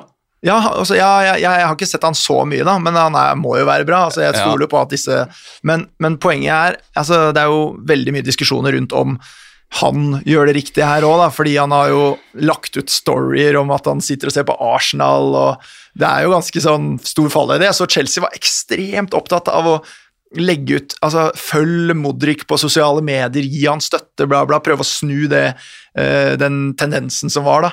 Men, men eh, jeg syns nesten litt synd Jeg syns ikke synd på han, da, men jeg syns det er jo litt synd at uh, en spiller som åpenbart var så gira på å dra til en klubb hvor det sportslige klaffa veldig, hvor det var veldig sånn Alt gikk opp. Uh, på grunn av både penger og på grunn av bare markedet og krefter som er mye større enn han, ender opp med å dra til Chelsea. Man kan ikke skylde på han, fordi han får en mye bedre kontrakt, og, Chel og Chelsea fikk et bud akseptert. Det må du jo få for å, for å dra et sted, men eh, jeg syns ikke det gir han de beste forutsetningene for å på en måte gå inn i Premier League med, ja, med vinn i Sitter seilen. sikkert litt nervøs han også der den, den kvelden eller de dagene da, når det liksom går opp for han at Arsenal kan ikke betale, og så vet han at Chelsea er interessert, men kommer de til å gjøre det? Eller kommer jeg til å sitte her og Det går, blir garantert noen sånne memes når Arsenal møter Chelsea og Arsenal vinner, og Ja, ja. av hans eh, gamle Ja, ja, ja. kontoer og sånne ting. Um, det ble litt mindre fra kvinnesiden av fotball i dag. Kristina er ute og reiser, kanskje tilbake neste gang. Men kan ta med det at det var 46 000 tilskuere på Emirates og så Arsenal-Chelsea i helgen. Uh, Arsenal så ut til å snyte Chelsea for eh, poeng, men Sam Kerr reduserte like før slutt. Satt og så litt på den. Både Frida Månum og Guro Reiten spilte den kampen, men Chelsea da topper fremdeles. Tre poeng foran Arsenal. Vi har vært innom en del nordmenn. Eh, Aron Dønnum skårte sitt første mål for sesongen i Belgia. Det er jo positivt. Veldig positivt. Joshua Kitolano skårte på overtid for um, uh, uh, Hvilket lag er det igjen? Det er de med røde striper. Sparta Rotterdam! Sorry. Ja. Sparta Rotterdam. Uh, skårte på overtid. Vanvittige scener. Og har fått uh, en sang som dere kan gå inn på sosiale medier og høre. Jeg Ja. husker den ikke akkurat nå, men den er, den er veldig fin.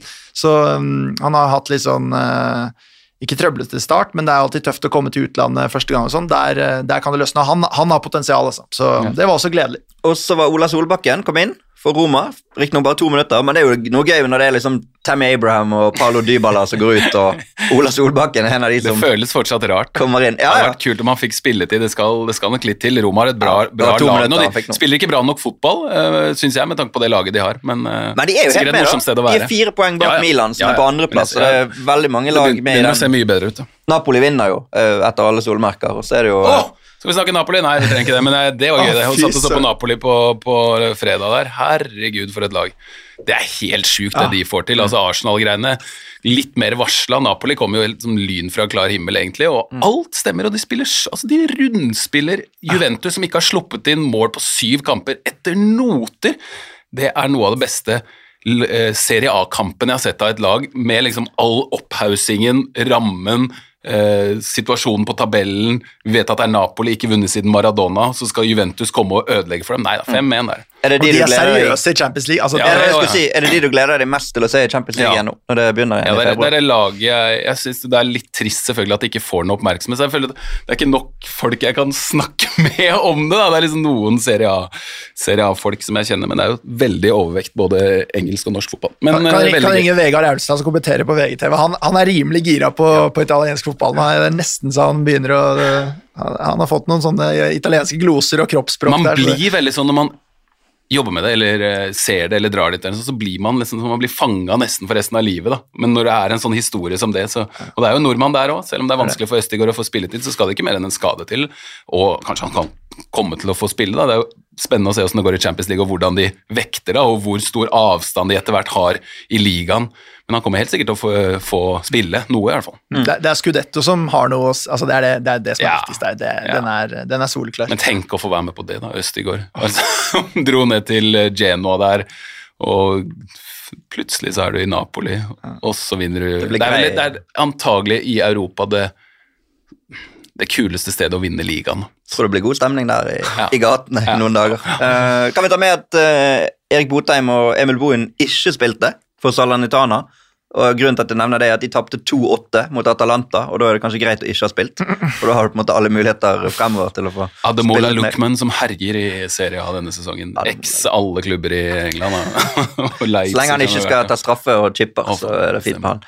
Um, jeg har fått uh, ett innspill fra Brage Bernhardsen, eh, som har skrevet til oss på Twitter. Du ba om tips om ting å snakke om i fotballpodkasten, så har jeg et litt annerledes forslag.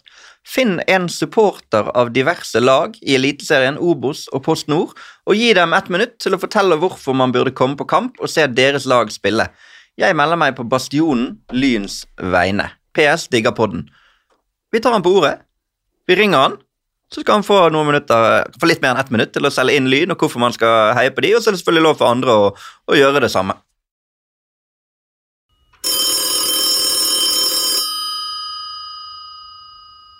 Da har vi med oss Brage på telefonen.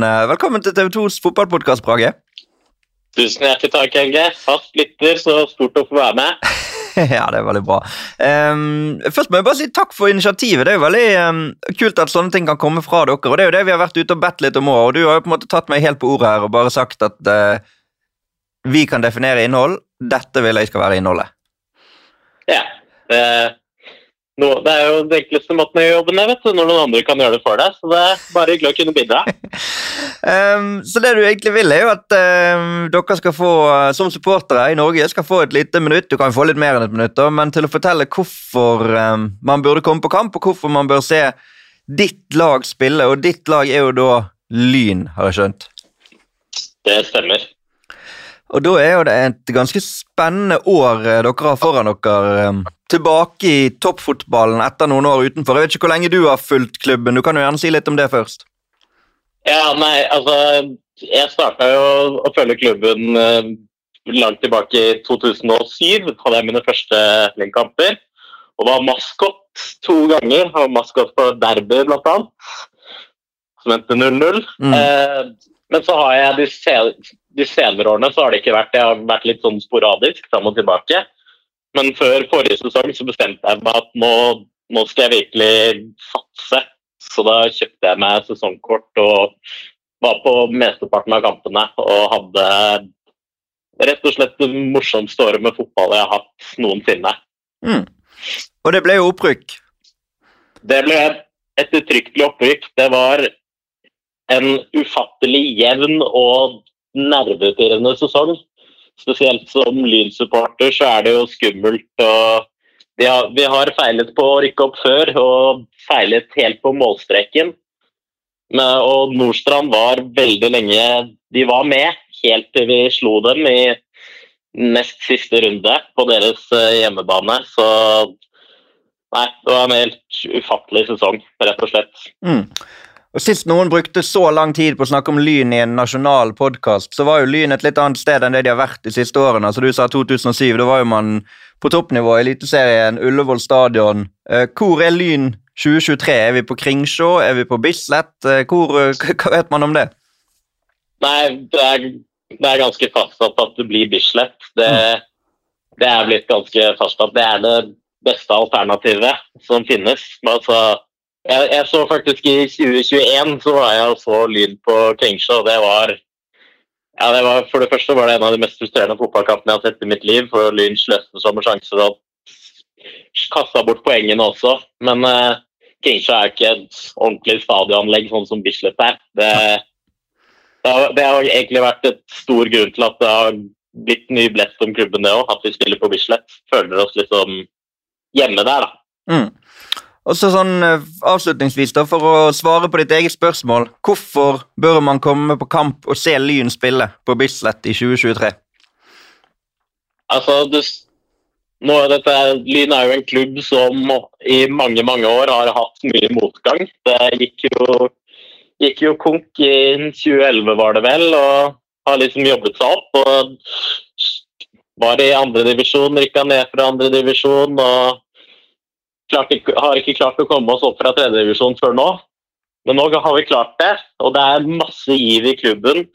Bastionen synger som aldri før. Vi har, vi har fått kjøpe aksjer i vår egen klubb. Det, vi har en trener som er opprykksekspert og fikk oss opp på første forsøk. Vi har, vi har spillere som er skikkelig lyngutter. Vi har spillere som eh, ja, har, har spilt på mye høyere nivå enn ja, tredjedivisjon og nå andredivisjon.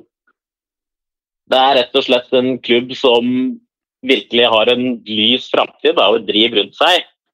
Mm. Og jeg kan si at det er en bane, banehopperpodkast som har kåret Bislett til den beste stadionen i Post Nord-ligaen. Jeg kan jo også røpe at uh, en viss ekskollega av dere Jeg skal ikke nevne navn, men jeg kan si så mye som at han er Norwich-supporter. og også et annet, et annet lag i byen. Han har sagt, eh, har sagt at eh, han ofte pleier å dra på, eller noen ganger dra på Bislett fordi han liker å se fotball der, og da ser han Lyn. Mm. Så det er noe annet man kan få oppleve. Ja, absolutt. Sånn uh, rent sportslig i år, da, så du nevnte opprykksekspert eh, Jan Halvor Halvorsen der. Er det realisme i å kunne cruise gjennom andredivisjon òg, eller hva vil man være fornøyd med i år? Altså, jeg, jeg, er såpass, jeg er såpass pessimist slash realist. Jeg er bare fornøyd med så lenge de holder plassen, gjerne med god margin. Mm. Det, er det, det er det jeg håper på. Men altså Laget var De spilte såpass bra i fjor, og de har, har beholdt så å si veldig mange, mye av sammen er der ennå. Og med noen forsterkninger også, som kan bli spennende. Så det er lov å, det er lov å håpe om å ta to på rappen, men eh, jeg bare fornøyd så lenge det ikke blir noe ned, nedrykksspøkelse eller noe. Da, da, er jeg fornøyd. Og så blir det jo noen uh, bataljer mot uh, Kjelsås, Grorud, Vålerenga 2. Ja. Kanskje de viktigste kampene, eller? Ja, jeg personlig ser på Vålerenga 2 som ja, det, er, det blir et First Price-derby som jeg ikke vil bruke det blir, blir, det blir jo gøy, men jeg har jo som sagt opplevd ekte greiene, så jeg venter, jeg venter på det med å virkelig ta fatt. Blir det på det. spennende å se om Bislett blir klart i de Kjelsås- og Grorud-kampene. fordi det er ikke sikkert. Kan hende vi må ut og love noen andre baner.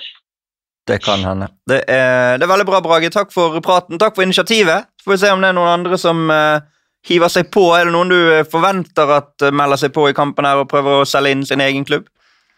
Jeg blir jo veldig overrasket i og med at jeg kommer fra Lyn, at det ikke er en viss annen klubb i den byen her som holder til på et litt, litt høyere nivå. Ikke kommer til å svare med en gang. Det, jeg, jeg må si jeg blir litt skuffet hvis ikke det skjer. Så Da har det du i blir hvert fall da har du kastet stafettpinnen videre, så får vi se om noen eh, plukker den opp. Veldig bra, Brage. Takk skal du ha. Ha en fin dag. Ha det. Ja, ha det godt. Det var Lyn, Simen. Ja. Skal du se Lyn i år? Ja, jeg må jo det. De er i avdelinga vår. skjønner du. Nei, Men det er gøy. Jeg skal, jeg skal til og med se litt på Lyn før vi spiller, for jeg syns det er kjempeinteressant å se hva Eller før vi begynner ligaen, men det er kjempeinteressant å se hva vi, hva vi, skal opp mot. Vi, vi er Kjelsås. Kjelsås, ja. Og så har de fått en spiller av oss Uh... Skal du spille andredivisjon i år? Nei, jeg tror ikke det. Kanskje? nei, nei, nei. nei. Jeg, men det er jo gøy, da. Jeg bor jo 100 meter unna stadion. Og mm. det er, apropos, vi snakket om lag som liksom stanger litt i taket. da, vi... Det er, jeg sier vi, for det er min klubb. men Jeg har ikke hatt så veldig mye med det å gjøre de siste årene, men har vært liksom helt i toppsjiktet i andredivisjon, nesten uten noen penger overhodet. Og fått spillere opp i systemet. To i snitt hvert år de siste seks sånt. Nå har vi eh, spiss i Tromsø. Eh, Det gikk ikke så bra forrige gang, gjorde det, men eh, Yao Painsil er der. Og så har vi eh, Odd har henta toppskåreren vår, Ole Erik Midtskogen, som har gjort det knallbra, og som jeg tror kommer til å bli en suksess i Eliteserien. Mm. Lyn var. Lyn, vi skulle snakke om Lyn. lyn er veldig gøy at Lyn eh, rykker opp. Jeg unner Lyn alt godt. da. Det var, eh, det var tider det da Lyn var oppe, og faktisk det var eh, det Forrige gang det var sånn skikkelig kok rundt Oslo-kamper, da var jo da Lyn var oppe. Siste spørsmål for i dag. Benjamin Sars, hvem er TV2 Sportens morsomste? Vet du hva, eh, Simen, vi var jo i Qatar sammen og hadde veldig mange fine bilturer. Ikke si hverandre nå, det er ganske Nei, nei, nei. Vi hadde veldig mange fine bilturer, men hovedgrunnen til det var jo Morten Ja, on his day, Ja. Morten Langli. Ja. Jeg tror Man kommer ikke unna Marius Skjelbæk for liksom hele Marius, og det er, han er liksom ti forskjellige personer. Han er nok det største humortalentet, Ja. på en måte. Men hvis du koker ned til én personlighet som er helt ekte, Ja. jeg er enig med deg. Ja, fordi det er mange parodier av Eller det er ikke mange, det er, det er først og fremst én veldig god parodi av Morten Langli. Men, og vanligvis er jo parodien der hvor du drar det langt. Mm. Morten Langli, originalen. Det er mye villere enn parodien av Morten Langli. Altså det er, det jeg, jeg, jeg, det er helt rått. Jeg elsker Og det, det fikk meg i perfekt humør til og fra eh, VM-kamper. Ja. Helt fantastisk. Fra VM-kamp så ringte en kompis. Ja, ja, sitter og trykker ball, vel? Vet ikke hva det betyr. men det er liksom, ball er vel gambling. Ja, Monaco og Sveits, de kan vi handle med. Og så bare, det var bare sånn. ja, ja, helt som du På et tidspunkt så sa han Paris, og det, ja, det er helt rått. Morten Langli er altså svaret der, med Shellback på en, eh, en outsider-posisjon. Mathias Skarpaas også er jo en Ja. gal fyr som du jobber tett med i B-laget, men uh, da har vi svar på det. Da var vi gjennom dagen i dag. Takk for at dere var med. Lykke til. Du skal være rett på telefonen du nå, eller du har sittet litt på telefonen underveis, og har det skjedd ja, noe? Nei, nei, ikke foreløpig. Vi, vi jobber på. Skal ringe litt og jobbe litt. Det blir bra, det. Og så er det jo bare to uker til deadline day og det, alt som skjer frem mot den tid. Ik ikke, ikke deadline day i Norge, men det, hvis folk skal ut av Norge, så Jeg tror det kan bli hendelsesrikt. I hvert fall forrige uke var heftig, så nå er det liksom den vanskelige andre uka. Etter, det blir vanskelig å følge opp med Ja, like nå er det flere, flere småtråder, kanskje. Ja. Ikke så mange liksom store. Det er nok det. det, er nok det. Men eh, Berisha blir nok en å følge med på denne uka her, tipper jeg. det blir veldig spennende. Takk for at du var med, Simen. Jo, takk for meg. Og så takk til dere som hørte på, og takk til eh, Moderne Medier som fasiliterer for oss. Og kom med innspill. Vi tar imot det meste på 1-2 fotballpodkast, eventuelt eh, DMs her og der. Send ikke til Simen og Ariles, men eller, send gjerne noe til imot de, DMs, og så videreformidler vi det. Ha det bra! Ha det. For han Hurtig! Så skårer Origi! Velkommen til Andalusia! Gutten har blitt en mann! Det blir for mye rør! Det er bullshit. Det er goal! Det er goal igjen! Da er det hens. Hens, hens, hens. Alt er hens. Guro Reite!